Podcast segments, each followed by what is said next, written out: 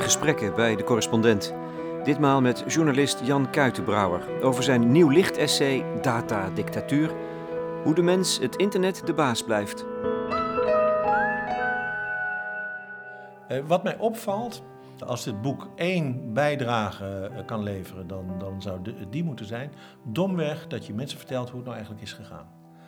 Uh, het valt mij op in gesprekken dat heel veel mensen gewoon helemaal niet weten hoe dit nou eigenlijk is. Waar dat internet nou vandaan is gekomen. En dat heel veel mensen ook de neiging hebben om zich ervoor af te sluiten. Sterker nog, zelfs de uitgever van dit boek zei op een gegeven moment: Jezus, een boek over het internet. Ja, ik lees dat allemaal nooit hoor. Ik maar waarom lees je dat allemaal nooit? Ze zei, ja, gaat me boven de pet. Ja, nou, dat is dus het probleem met heel veel van dit soort informatie. Voor jou als literair persoon, zou ik maar zeggen, als alfa, niet technisch geïnteresseerd. Maar ik uh, probeer het zo op te schrijven dat het ook voor jou uh, relevant wordt. Je zou kunnen zeggen, het is ook een soort het herschrijven van de geschiedenis. Het is het schrijven en deels herschrijven van de geschiedenis van het internet. Uh, hoe, hoe zijn we nou gekomen waar we nu zijn? En, en wat betekent dat?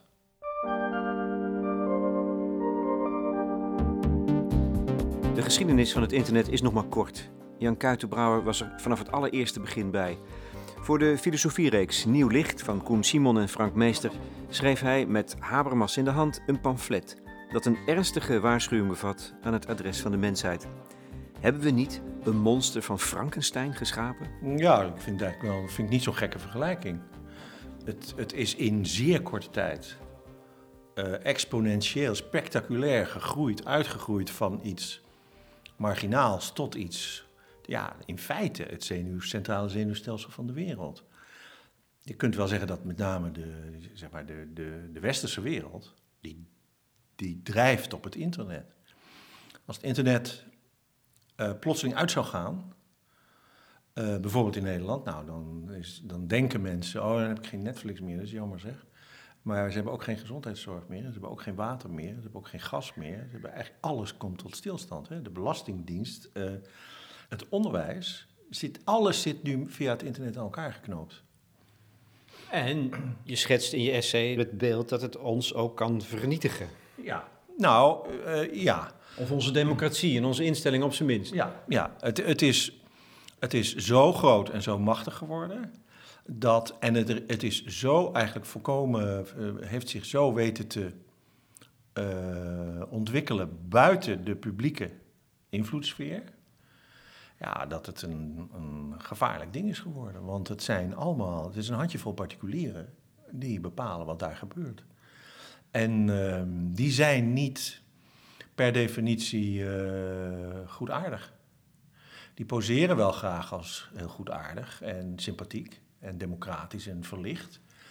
Uh, maar daar zitten ook hele verbeten, naargeestige, vind ik zelf dan, marktfundamentalisten onder, die, uh, die met democratie en gelijkheid en over het beschermen van de zwakkeren en dat soort dingen echt geen bal te maken hebben en ook willen hebben.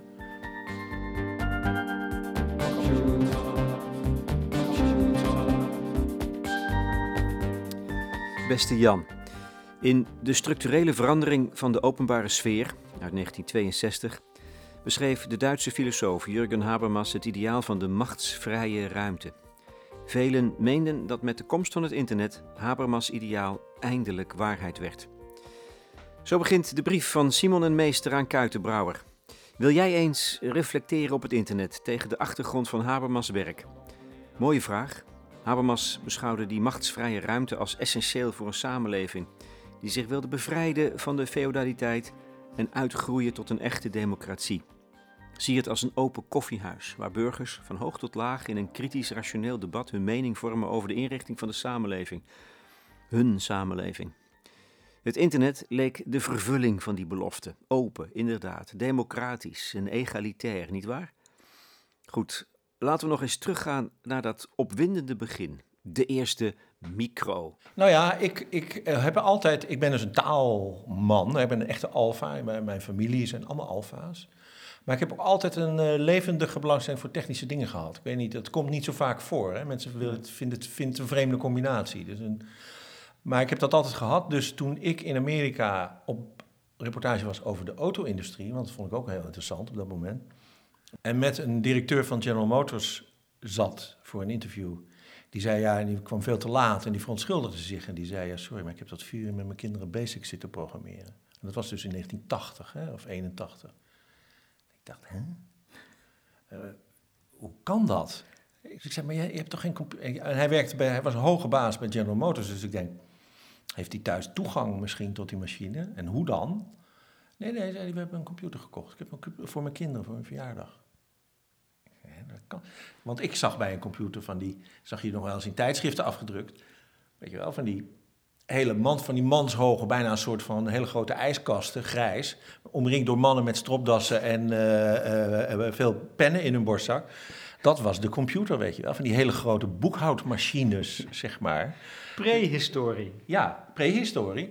En ik had ook van de, van de mini-computer had ik ook wel eens gehoord. Dus die was wat kleiner, dat was een ijskast, gewone ijskast, zeg maar. Dat kon, kon je voor het midden, midden, middenbedrijf, kon dan ook automatiseren.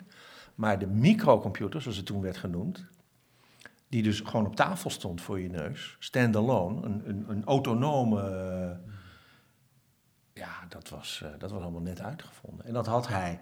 Toen hij dat zei, dacht ik, nou ja, dat, dat kan maar één ding betekenen. Dat, dat, alles wat in Amerika gebeurt, zeker op dit vlak, dat gebeurt even later bij ons. Je hebt hem in huis gehaald, toch? Ja, en toen heb ik hem in huis. Toen kwam ik terug en toen dacht ik, nou, dat, dat zit eraan te komen.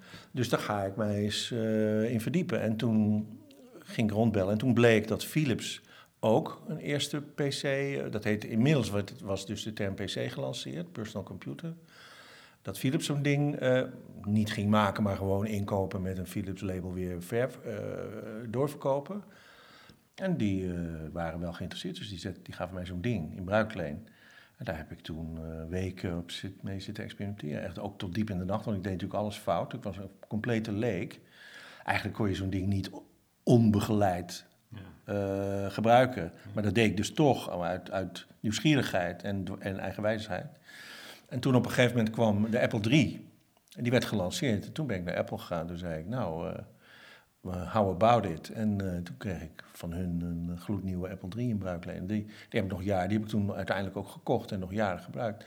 En ik weet nog heel goed, ik had mijn eerste grote reportage geschreven voor de Haagse Post op de PC en geprint. Want wij hadden daar velle kopijpapier vroeger nog. En die waren, zaten aan elkaar, toch? Met die zaten aan elkaar, drie, drie stuks. Drie verschillende kleuren met een doorslag. Het was geen carbon meer zoals vroeger. Het was een soort chemisch doorslagsysteem. Dat hadden we bij hele mooie lange foliovellen. Daar werkte hij op. En ik kwam met een print en die liet ik ook zo voor het effect zo... Weet je wel, als, want het was zo'n kettingformulier. Die als een, als een soort orgelboek. En iedereen stond zo te kijken. En ik weet nog goed dat Bert Vuijsje riep... Dat wil ik ook! Toen dacht ik, ja, zie je, zie je. Dit wordt het. Dit wordt het. Zoals je erover vertelt, het lijkt een beetje opa verteld. Het is 35, nee, maar het is 35 jaar geleden. Ja, het is in jouw arbeidszame leven is dat gebeurd. Om te begrijpen wat het nu is, of het nou een monster is of niet, is het heel goed om te snappen waar het vandaan komt. Ja. Het is namelijk een krankzinnig verbond, zou je kunnen zeggen, tussen de hippies van die tijd, ja.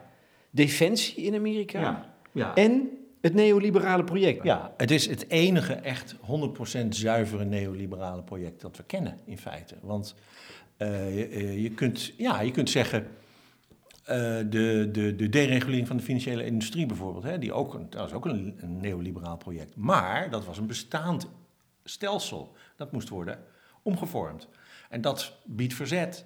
Er waren oude wetten en regels in zaken de bank, het bankwezen, bijvoorbeeld die scheiding, weet je wel, tussen de consumentenbank en investeringsbank, al die. En dat moest allemaal opgeruimd worden. Hetzelfde met bijvoorbeeld de denationalisering van het spoor. Dat moest, weet je wel, dat moest allemaal omgevormd worden. En internet was niet belast met een verleden. Dus dat begon from scratch, uit het niets. En is eigenlijk bijna ja, op haast uh, doctrinaire wijze uh, als een neoliberaal project gestart. En ook meteen ook afgeschermd voor inbreuk daarop. Dus ze hebben er eigenlijk meteen een hek omheen gezet. Alleen het was een elastisch hek. Dus, dat, dus terwijl die internetindustrie groeide, groeide, groeide, bleef dat hek ook groeien. En op dat hek stond verboden voor de overheid, eigenlijk vooral. Stond eerst ook verboden voor big business. Dat was het, dat was het verbond eigenlijk. Hè? Dus Pentagon besloot dat er informatietechnologie moest worden ontwikkeld, onderdeel van de Koude Oorlog.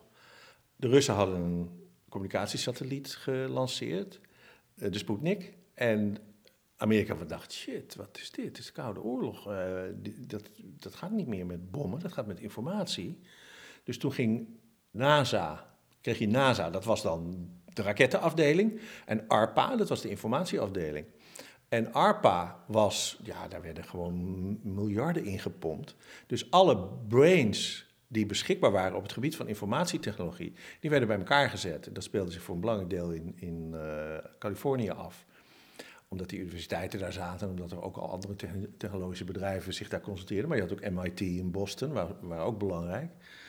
Um, dus daar begon eigenlijk al die, dat gekke huwelijk tussen de, defensie, dat zijn over het algemeen natuurlijk haviken, rechtse types, en uh, ja, allerlei uiteenlopende hippie-achtige figuren die zich met informatietechnologie bezighielden.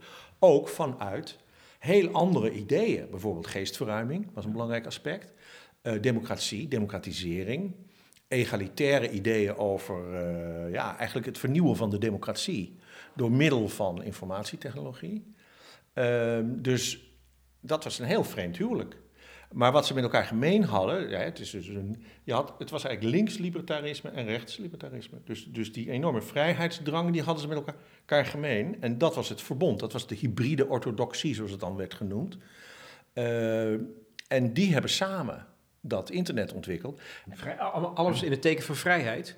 dus, dus de hippies en, en gelijkheid, eh, defensie en het neoliberale uh, project. En dan komt daar een naam terug. En ik was echt, ik viel van mijn stoel eigenlijk.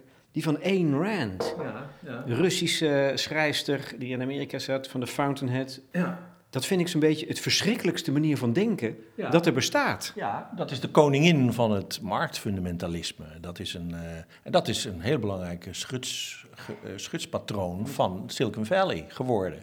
Dus je had niet, het waren niet alleen uh, linkse hippies. Nee, het waren ook keiharde hardliners, marktfundamentalisten, die volgens de het objectivisme, zoals zij het zelf dan noemde, van Ayn, Rand. En die naam kom je in, in Silicon Valley dus ook nog steeds tegen. En staat voor? En staat voor. Um, uh, eigenlijk moet je de overheid gewoon. Eigenlijk, eigenlijk, eigenlijk, eigenlijk moet je Washington afschaffen. Ieder, ieder voor zich, ja, precies. En ieder, voor zich. Uh, want de mens is, is, is, is bestemd voor een soort heroïsch egoïsme. Dat is eigenlijk de missie van de mens. En als, dat is de enige taak, de enige verantwoordelijkheid die de mens heeft, is tegen, tegenover zichzelf om zijn eigen ambities te realiseren. En daarmee zal hij dan mogelijk ook nou ja, een betere wereld maken of zo, maar dat is eigenlijk secundair. Dat is uh, de essentie van het Rand-denken. En dat zit dus in het hart van het internet. Ja, uh, want Tim Berners-Lee zit in het hart van het internet, maar bijvoorbeeld iemand als Pieter Thiel zit ook in het hart van het internet. En die is misschien nog wel veel machtiger. Dat is de oprichter van PayPal. Nou ja, iedereen weet wat PayPal is. Hij heeft dat twintig jaar geleden bedacht. Nou, dat betekent alleen al, weet je wel, in, uh, dan, dat die man honderden miljarden uh, dollars bezit. Uh, want natuurlijk op een gegeven moment, nou ja, dat is ook weer zo explosief gegroeid en zoveel, hij heeft een waardevermeerdering plaatsgevonden die jij en ik je niet kunnen voorstellen. En hij, met dat geld zijn weer allerlei andere bedrijven opgericht, onder andere YouTube. Uh, dus de, dat wordt dan de Peter Thiel, de PayPal-maffia genoemd. En dat is een, cercle van uh, extreem machtige kapitalisten, zeer, miljardairs. En dat zijn allemaal Rand-adepten. Die zijn zo rechts als de, als, de, als de neten. En die willen gewoon eigenlijk de overheid afschaffen. Daar komt het op neer. Democratie heb je, geen, heb je niks aan. Uh, politiek heb je niks aan. Het gaat allemaal om de markt en om de macht. En uh, dus vandaar dat zo'n Pieter Thiel ook bezig is met homesteading, seasteading noemen ze dat dan, weet je wel. Dus, dus hij wil gewoon in de uh, buitenterritoriale wateren op de oceaan, wil hij een eigen land beginnen. Weet je wel, dus weg uit die... De, en dat is het, altijd dat idee van... Daarom spreken we ook over cyberspace, hè? Mm. Uh, de, de internetpioniers wilden eigenlijk altijd weg uit, de, uit het aardse, de aardse beslommeringen... En de restricties, hè, tussen droom en daad staan wetten en bezwaren. Nee, dus dat moet je allemaal achter je laten. En je moet een, in een soort vacuüm op jouw manier opnieuw beginnen. Dus we hebben, zeg maar, in de, in de bestaande tastbare uh, wereld, met een, een, hebben we een medium geïntroduceerd. Wat daar eigenlijk helemaal niet aan mee wil doen. En ook niet aan meedoet. Uh, zonder, en zonder dat we het doorhebben. Kijk, over de en zonder dat we het doorhebben.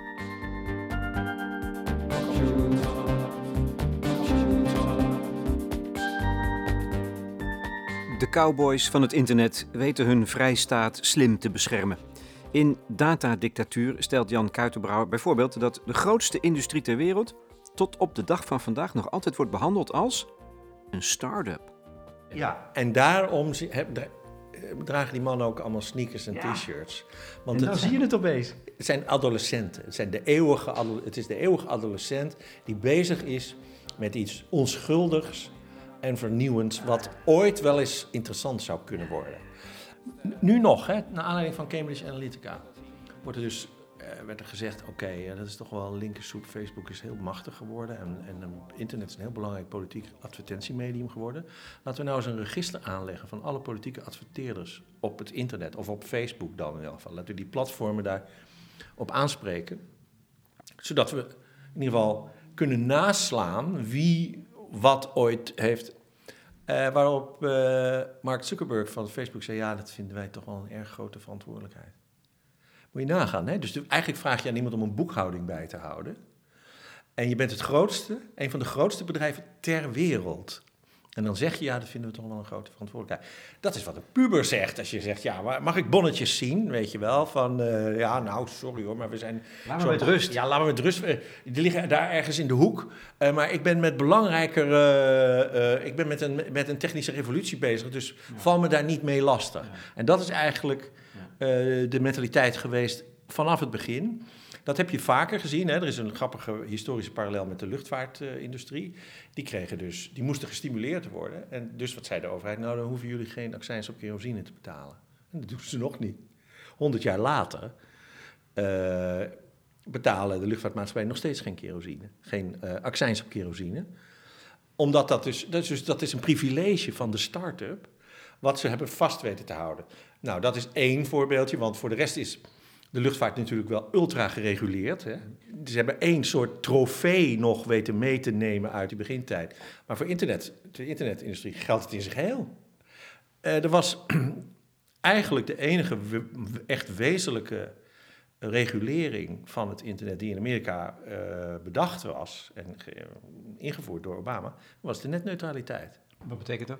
Nou, dat betekent, het betekent eigenlijk dat, uh, stel je voor, uh, je hebt een auto, een personenwagen, en je komt bij de snelweg en dan stelt, ja, de snelweg is vandaag tot 7 uur dicht, want het vrachtverkeer krijgt voorrang. Dat, dat is niet zo. Jij mag altijd de snelweg op. Eigenlijk is dat de essentie van netneutraliteit. alle weggebruikers zijn gelijk. en de wegbeheerder, de provider, kan ook niet kijken wat voor data jij transporteert. Dat mag hij niet eens inkijken. Vroeger kon het ook niet. Tegenwoordig kan het dan wel, maar is, uh, officieel mag het niet. Dus uh, dat heet dan Deep Packet Inspection. En bijvoorbeeld, dan kun je dus kijken, oh, wacht even, dit is Netflix. Nou, die geven we voorrang, want Netflix is uh, big bucks, weet je wel. of dit is Jan Kuitenbrouw met zijn blogje. Nou, die moet even wachten. Dat is dus een hele belangrijke voorwaarde voor de openbaarheid van het internet. Um, als je dat loslaat, dan kan je dus allerlei segregatie gaan toepassen. Uh, gebaseerd op macht, gebaseerd op omvang, gebaseerd op mogelijk politieke uh, positie. Allerlei ongelijkheden kun je dan gaan introduceren. Nou ja, en, dat is dus wat, en wat is het eerste dat Trump doet? Is de netneutraliteit afschaffen in Amerika. Dus je krijgt dan, dat noemen ze walled gardens, dus ommuurde tuinen op het internet.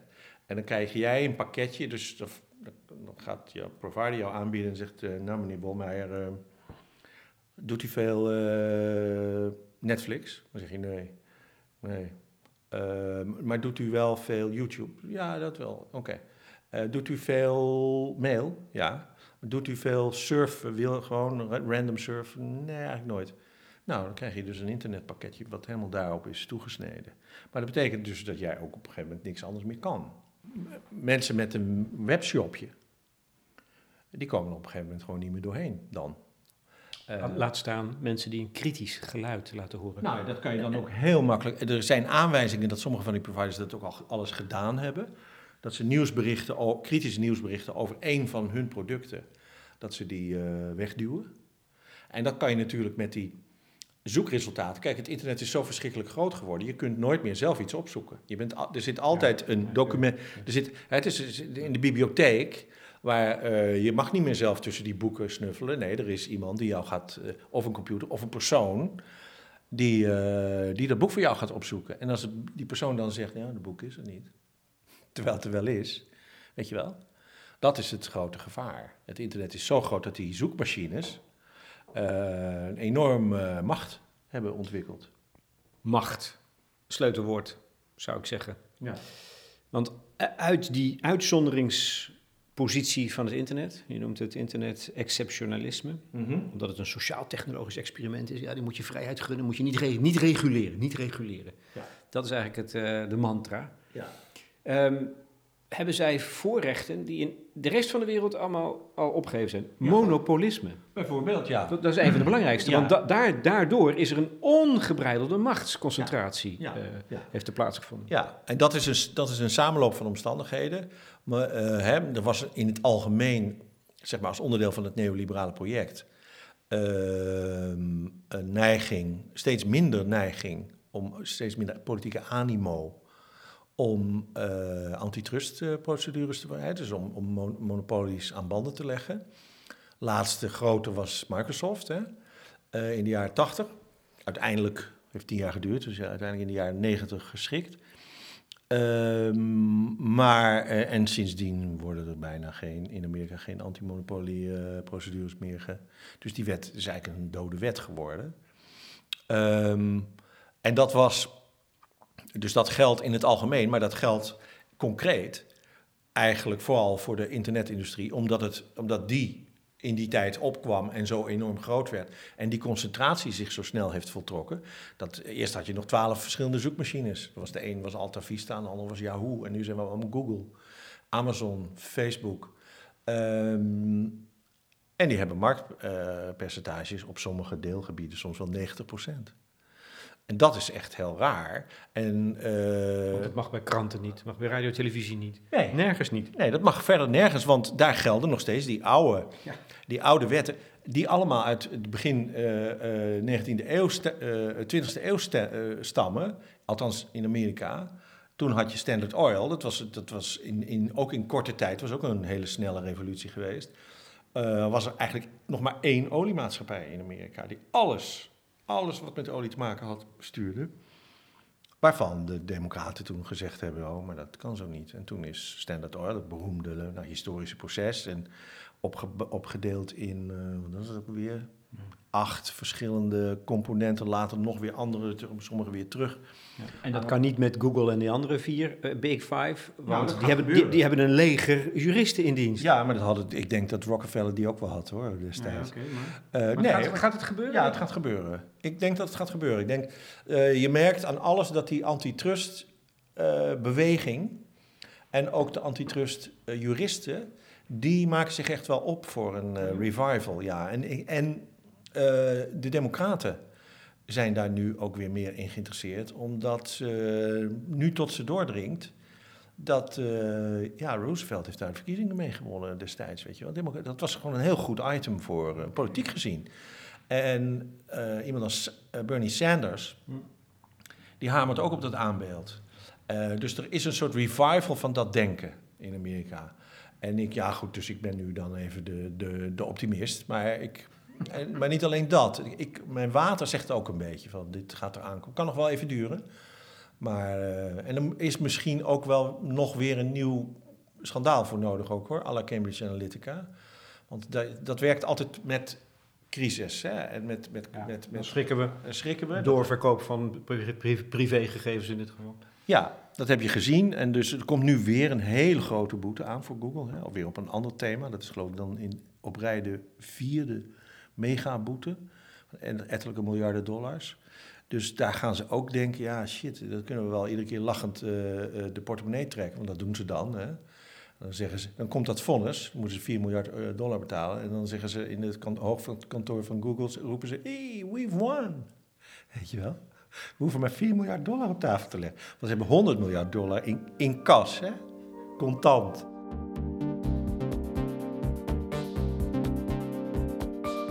Jan Kuitenbrouwer noemt in zijn essay Data Dictatuur nog een paar voorbeelden van die uitzonderingspositie van de internetwereld. Jongens, we beginnen net, geef ons wat ruimte. Nou, je kunt kijken naar het copyright, het toestaan van piraterij of neem de gebruikersnaam. Die creëert anonimiteit. Ja, een dekmantel voor misdaad en allerlei soorten van wangedrag die in de gewone wereld echt niet meer getolereerd worden. Online bullying, slutshaming, hate speech, doxing. Nou, noem al die, die, die, die nare uitwassen maar op, weet je wel. Dat kan allemaal trolling. Wat Cambridge Analytica deed, of, wat, of beter gezegd die, die fameuze Russische trollenfabriek, weet je wel. Wat überhaupt die trollenfabrieken doen. Dat kan allemaal alleen maar uh, bij gratie van die anonimiteit. Dat is dat, dat hacker-ethos, uh, wat, wat toen heel sterk was. Van het internet is in feite toch ook een beetje een, een subversief project. Ja, ja. Het internet is een beetje een underground. Ja. En uh, bovendien is het internet ook een nieuwe wereld waarin je opnieuw mag beginnen. Dus je mag je aardse identiteit afschudden en je mag een soort nieuwe online uh, identiteit aannemen.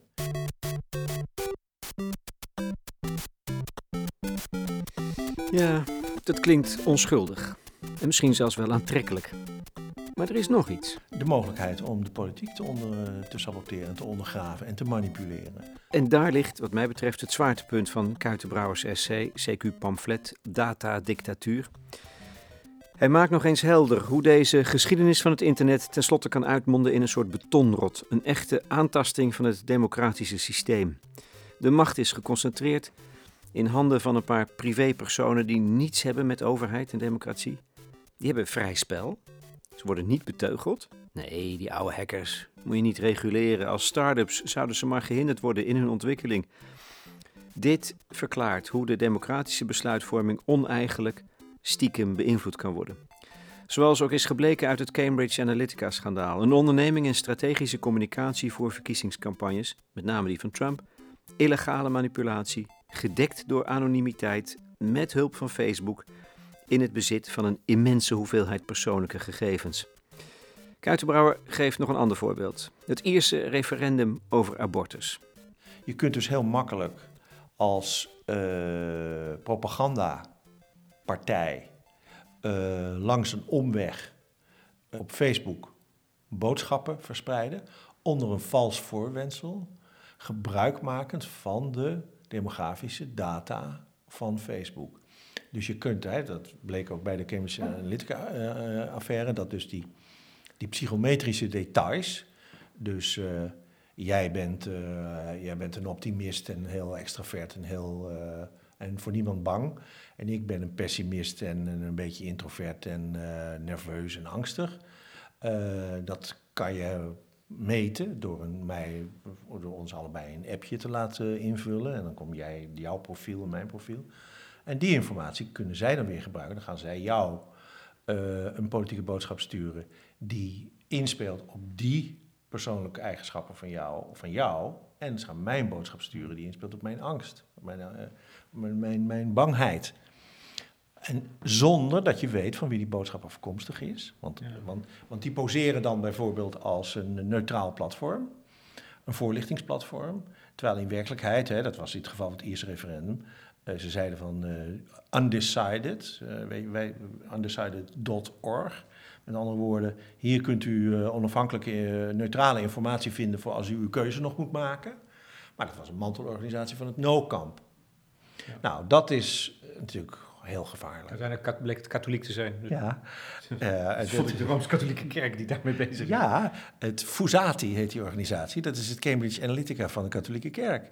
Ja, die hebben dat in Boston, waar anders. Eh, ja, ja. Nee, eh, Dus iedereen gaat het doen. die, doen- die doen dat ook. Waarom doet Zuckerberg het? Ja, eh, antwoord simpel. Hij verdient er geld aan. Dark posts, dit is je noemt het handel in democratie. Daar verdient hij zijn geld mee. Ja, ja dat, is, dat, is, dat is zo. Want ik dacht ook in het begin van die research, dacht ik, maar zo'n dark post, want ze zeggen, ze, ze, ze presenteren het altijd als, ja, dat is eigenlijk een soort ongewenst neveneffect van de, van de stormachtige groei, weet je wel. We hadden het, het is zo groot geworden, we hadden even niet door hoe het nou precies allemaal gaat. Eh, maar als vervolgens wordt uitgelegd, nou ja, dit is dus bij jou aan de hand.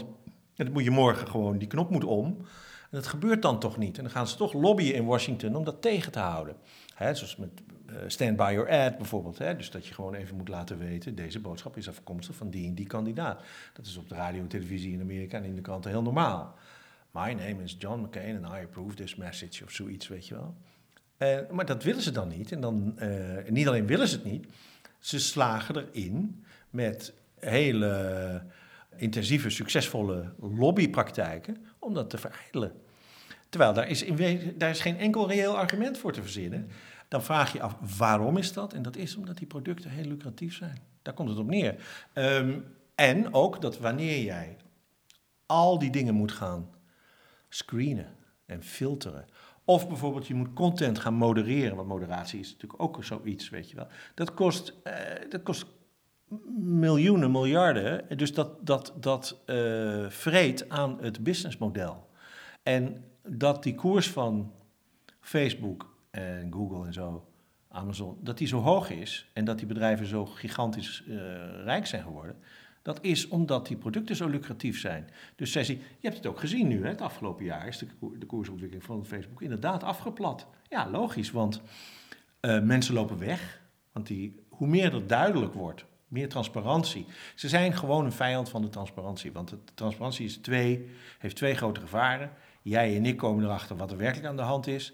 En eh, eh, adverteerders denken, ja, eh, dan werkt het niet meer. En wat er aan de hand is, samenvattend, dat er wordt gehandeld in democratie. eh, in het belang van vijf schatrijke mannen, Ja. de top van vijf, de vijf grootste internetbedrijven, Ja. die scheid hebben aan onze democratie. Ehm, ja. Vond ik nou eigenlijk wel weer een handzame samenvatting, Jan. Ja, ja, nou ja, het, het, het, het, Zeg dan gewoon ja, man. Dan kan ik verder. Ja, eh, ja. Eh, maar wel toch ook toch met een klein vraagtekentje, omdat ik, ja, ik, ik kan toch nog steeds, kijk, van zo iemand als Pieter Thiel we- begrijp ik dat meteen, maar dat zegt hij ook. Hij zegt, ik heb scheid aan de democratie, dus dan, oké. Iemand als Mark Zuckerberg, die zegt de hele tijd, ik heb geen scheid aan de democratie en ik I care en dit en dat. Hij zegt nooit, hij, hij, hij doet nooit expliciete politieke uitspraken, maar hij is toch wel, hij poseert nog steeds als een mensenvriend en een idealist. Maar alles wat hij doet, staat daar haaks op. Juist, dus zoals ik ook schrijf, eh, tussen wat Mark zegt en wat Mark doet zit iedere keer toch wel weer een opvallend groot verschil. En dat blijft ook zo, dus dat is verdacht. Maar ik las van de week nog een... eh, een, een Wat denk je, wat denk je nou eigenlijk echt van Zuckerberg? Nou, ik, ik, denk dat hij een, eh, ik, denk, ik denk dat hij een opportunistisch eh, rat is. Ja, glad, glad als een aal. Maar je hoeft hem niet per se te verdenken van de meest duistere motieven om to disrupt. Om ons, ons huidige wereldbeeld, Nee. althans voor het Westen, laten we het daarover hebben dan. Om Nee, dat, eh, dat, dat, dat, te verwoesten. dat is, zo iemand als Pieter Thiel is, is, is daar wel op uit. Dus eigenlijk maar- een Steve Bannon-achtige. Dus. Ja, ja, eh, ja. En, en, en, een, en een, eh, die willen inderdaad disruptie. Ehm, en dan ook die Mercer bijvoorbeeld, hè, dus de financier van eh, Cambridge Analytica. En, dat is gewoon, maar die is ook uitgesproken rechts, conservatief, marktfundamentalistisch, ook zelfs wel. Nou, dat zijn gewoon. En die, maar die maken daar ook niet zo'n geheim van. Maar ik heb wel eens het idee dat laten we zeggen, ja, idealisme en, en, en ehm, principes Uh, dat zijn dingen die, worden in, die krijg je van thuis mee. Die worden in, in, je jeugd, dat is je opvoeding. En, en een tijdje dan ook waar je zelf, wat je zelf wil en doet, zo in je adolescentie. Maar uh, hoe sterk is dat? Hoe, hoe uh, duurzaam is dat? Hoe, hoe, hoe zwaar weegt dat? Ik, als ik naar mezelf kijk, ik, ik, toen ik 16 was, was ik ook Marxist. En, en, en uh, ondertekende ik mijn stukken in de schoolkrant met tussen de haakjes ML, Marxist-Leninist, weet je wel. Uh, lid van het onderwijsfonds enzovoorts. Ik had, ik had een heel boekenkastje op mijn jongenskamer met allemaal marxistische sunschriften enzovoorts. Dus ja, en ik heb ook nog een tijd wel uh, met politieke acties en dergelijke meegedaan. Maar op een gegeven moment ben ik ook anders tegen de wereld aan gaan kijken. En ben ik ook. En toen kreeg je de jaren 80. Ik ben natuurlijk een late babyboomer. Mijn, je bent van 57? Ja, dus toen ben ik daardoor beïnvloed geraakt. En dacht ik ineens.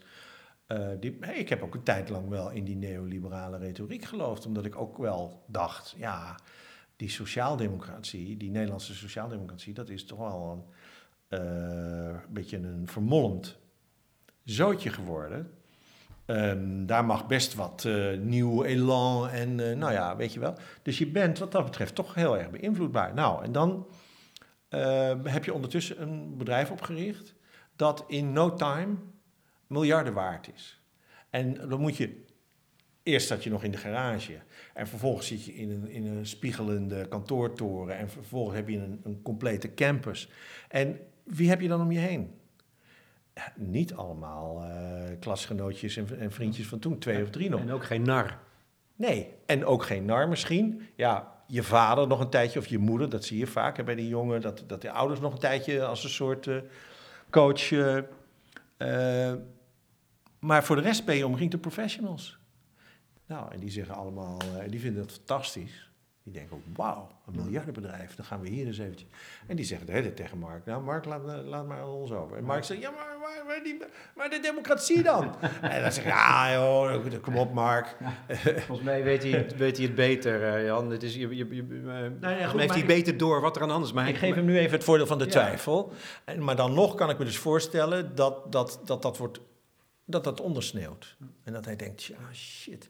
Maar goed, ik las van de week een analyse van, uh, van uh, een interview over de, een aantal van die Silicon Valley uh, tycoons. Waarbij Zuckerberg echt werd weggezet als een volstrekt visieloze jongen.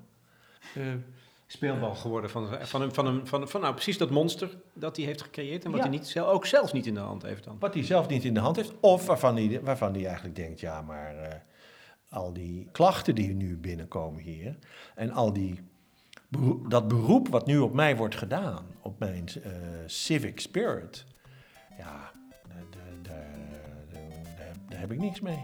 Dat gevoel heb ik uh, steeds meer bij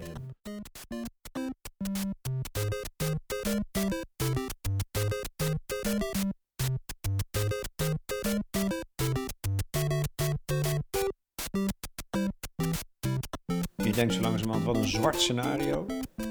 We zijn aan de duivel overgeleverd. Ja. Ja. Um, Frank Meester en Koen Simon hebben jou gevraagd om Habermas te lezen, een socioloog uit Duitsland. Links, lekker stevig links. Ja. 1962, de structurele verandering van de openbare sfeer. Ja. Eigenlijk is de vraag, is er nog iets aan te doen? Ja. Nu, zo langzamerhand. Want anders zijn we het kwijt, hè? Dat zeg je met zoveel woorden, anders zijn we onze democratie kwijt. Ja, nou, zeker. Nee, het is echt levensgevaarlijk, want ze gaan het niet zelf doen. Nee. Dat is volkomen duidelijk. Uh, dat is ook allemaal slappe retoriek over uh, zelfregulering. Zelfregulering bestaat niet. Zelfregulering is een oxymoron, zegt uh, Stiglitz. Weet je wel, het is net zoiets als een gezellig bloedbad. Uh, dat bestaat ja, niet. Vergelijking, je noemt het ook feodaal. Nou, de feodale heerser gaat niet zelf uh, aan zijn eigen poten zuigen. Nee, nee, nee. Dus, dus, dus die, zullen, die zullen echt gedwongen moeten worden. En uh, sterker nog, je ziet in Amerika dus eigenlijk onder Trump nu een beweging in de omgekeerde richting. netneutraliteit afschaffen. Californië heeft hem inmiddels weer ingevoerd. Hè? Dat is wel het leuke van Amerika. Per staat kan dat dan. en ook nog weer, om hem te pesten, strenger gemaakt nog. En daarom krijgt, krijgt, uh, krijgen ze nu geen extra geld voor de bosbranden. Uh, zo werkt het. Ja, is dat zo? Die afrekening. Ja, hij heeft een bloedhekel aan Californië, want het is natuurlijk heel democratisch daar. Ja. dus het gaat in Amerika de verkeerde kant op. In Europa gaat het eigenlijk wel de goede kant op. Met, de Europese Commissie is behoorlijk goed bezig. Hè, dus met die uh, ik vergeet altijd precies die afkorting, Algemene Verordening Gegevens, de AVG. Weet je wel, dus de nieuwe, waardoor jij op je computerscherm de hele tijd al die cookie-meldingen enzovoorts uh, te zien krijgt. Dat is daardoor. Um, het is niet erg effectief overigens, want ik ben zelf nogal geneigd om de hele tijd te zeggen: ja, ja, ja, ja, ja, oké, oké, oké. Ik hoef niet per website al die cookie-details uit te vlooien. En bij heel veel websites krijg je de non-optie, dan krijg je geen eens een opt-out. Dus die handhaving is wat dat betreft ook uh, flinterdun. Maar goed, het is een eerste stap en er zijn andere. Er is nu uh, het uploadfilter bijvoorbeeld, hè, dus om de auteursrechten beter te gaan beschermen. Dat is nu ook uh, artikel 13, dat is allemaal auteursrechten. Uh, dat is iets waar ik in het boek ook nogal op hamer, omdat ja, het internet in feite natuurlijk toch ook de, de, de muziekindustrie een beetje kapot gemaakt heeft. En dat gaat mij als uh, pop, uh, freak natuurlijk ernstig aan het hart. Maar dus in Europa worden wel, worden wel stappen in de goede richting gezet. Dus je mag hopen dat dat, dat, dat blijft. En je mag hopen dat in Amerika het tij keert. Maar daar ziet het voorlopig dus nog niet naar uit. En is, daar is het wachten op het volgende grote schandaal, ja. Of een monster hack of ook weer een, een tot nog niet ontdekte trollenfabriek die bij de volgende verkiezingen de hele zaak gaat. Het Muller-rapport natuurlijk, wat er aan zit te komen. Uh, wat zal daar allemaal nog uit tevoorschijn komen en, en, en blijken? Dus ja, het is wel. het, is, het is, nou ik wil niet zeggen vijf voor twaalf, maar wel tien voor twaalf, ja. Habermas beschrijft onder andere dat het al eerder is gebeurd, hè? dat die ontwikkelingen soms snel gingen en dat vervolgens iets gereguleerd moest, moest worden. Dat kan bij de pers, de, de, kranten en later de audiovisuele media. Ja. Als je nou een paar dingen noemt, wat er kan aan wetgeving, dan gaat het toch over een aantal van die dingen die we net besproken hebben, als uh, monopolie en zo, dat soort dingen. Ja. Dus er zijn toch een paar wetten te bedenken. Het is niet iets nou wat je... Je hoeft ze niet meer te bedenken, je moet ze handhaven. In het geval van uh, antitrust in Amerika moet je ze gewoon handhaven. Die wetten zijn er echt wel. Maar er wordt niks mee gedaan. Uh, omdat de politiek heel lastig ligt. En daarom is er zo lange tijd eh, zijn, die, zijn er geen procedures geweest. Maar dat moet je gewoon doen, moet je gewoon mee beginnen. Nou, en iets anders wat eraan zit te komen, wat ook een hele goede stap is. Kijk, het cruciale omslagpunt van het internet, van dat goedaardige, open, democratische platform naar deze, dit monster, was de introductie van de reclame. Want daardoor is dat data stofzuigen begonnen. Um, en dat datastofzuigen, dat is weer uh, het gif waarmee dingen als die politieke manipulatie. Zo, dus als je dat een halt zou kunnen toeroepen, dan ben je ook al een heel eind verder. Kan dat? Nou, en dat, dat is dus, er is dus een een, een initiatief nu van. Uh, dat wist ik nog niet op het moment dat ik dit schreef. Dus ik, heb het, ik noem het in de datadictatuur in abstracte termen. En toen was het boek net uit en toen kwam er dus een concreet initiatief van Tim Berners-Lee. Dat heet uh, Solid. En dat is dus eigenlijk dat is een, een, een manier om uh, eigenlijk een datakluis. Al jouw persoonlijke gegevens, en dat zijn er dus ontzettend veel, hè, uh, bovendien zijn uit. Uh, het zijn er A heel veel. En bovendien valt uit die gegevens dus ook ongelooflijk veel af te leiden. Hè? Dat is ook iets wat we geleerd hebben nu. Jij, jij, denkt, ik ben uniek, ik ben Lex en ik ben Jan en we zijn, weet je wel. Maar wat blijkt, uh, op, op grond van 20 Facebook-likes kan iemand met een datamodel bepalen, niet alleen dat jij een man bent en hoe oud ongeveer, en waar je woont. Maar ook of je bijvoorbeeld van Roomse of protestantse huizen was, wat je waarschijnlijk gestudeerd hebt. Enfin, dat is werkelijk unbelievable. Daarom zijn die modellen zo krachtig en zo, en zo sterk. Nou, als je dus het oogsten van dat soort data aan banden kan leggen, dan, dan eigenlijk maak je de, de internet als aandachtmachine, uh, als aandachtfabriek vleugellam. Ja. En dat ja, is, met het verdienmodel pak je Ja, ja. dan. een- dan, dan ondergraaf je op een hele fundamentele manier dat verdienmodel. En dat, eh, zo, het is, eh, dat is dus vloeken in de neoliberale kapitalistische kerk, maar dat zou heel goed zijn,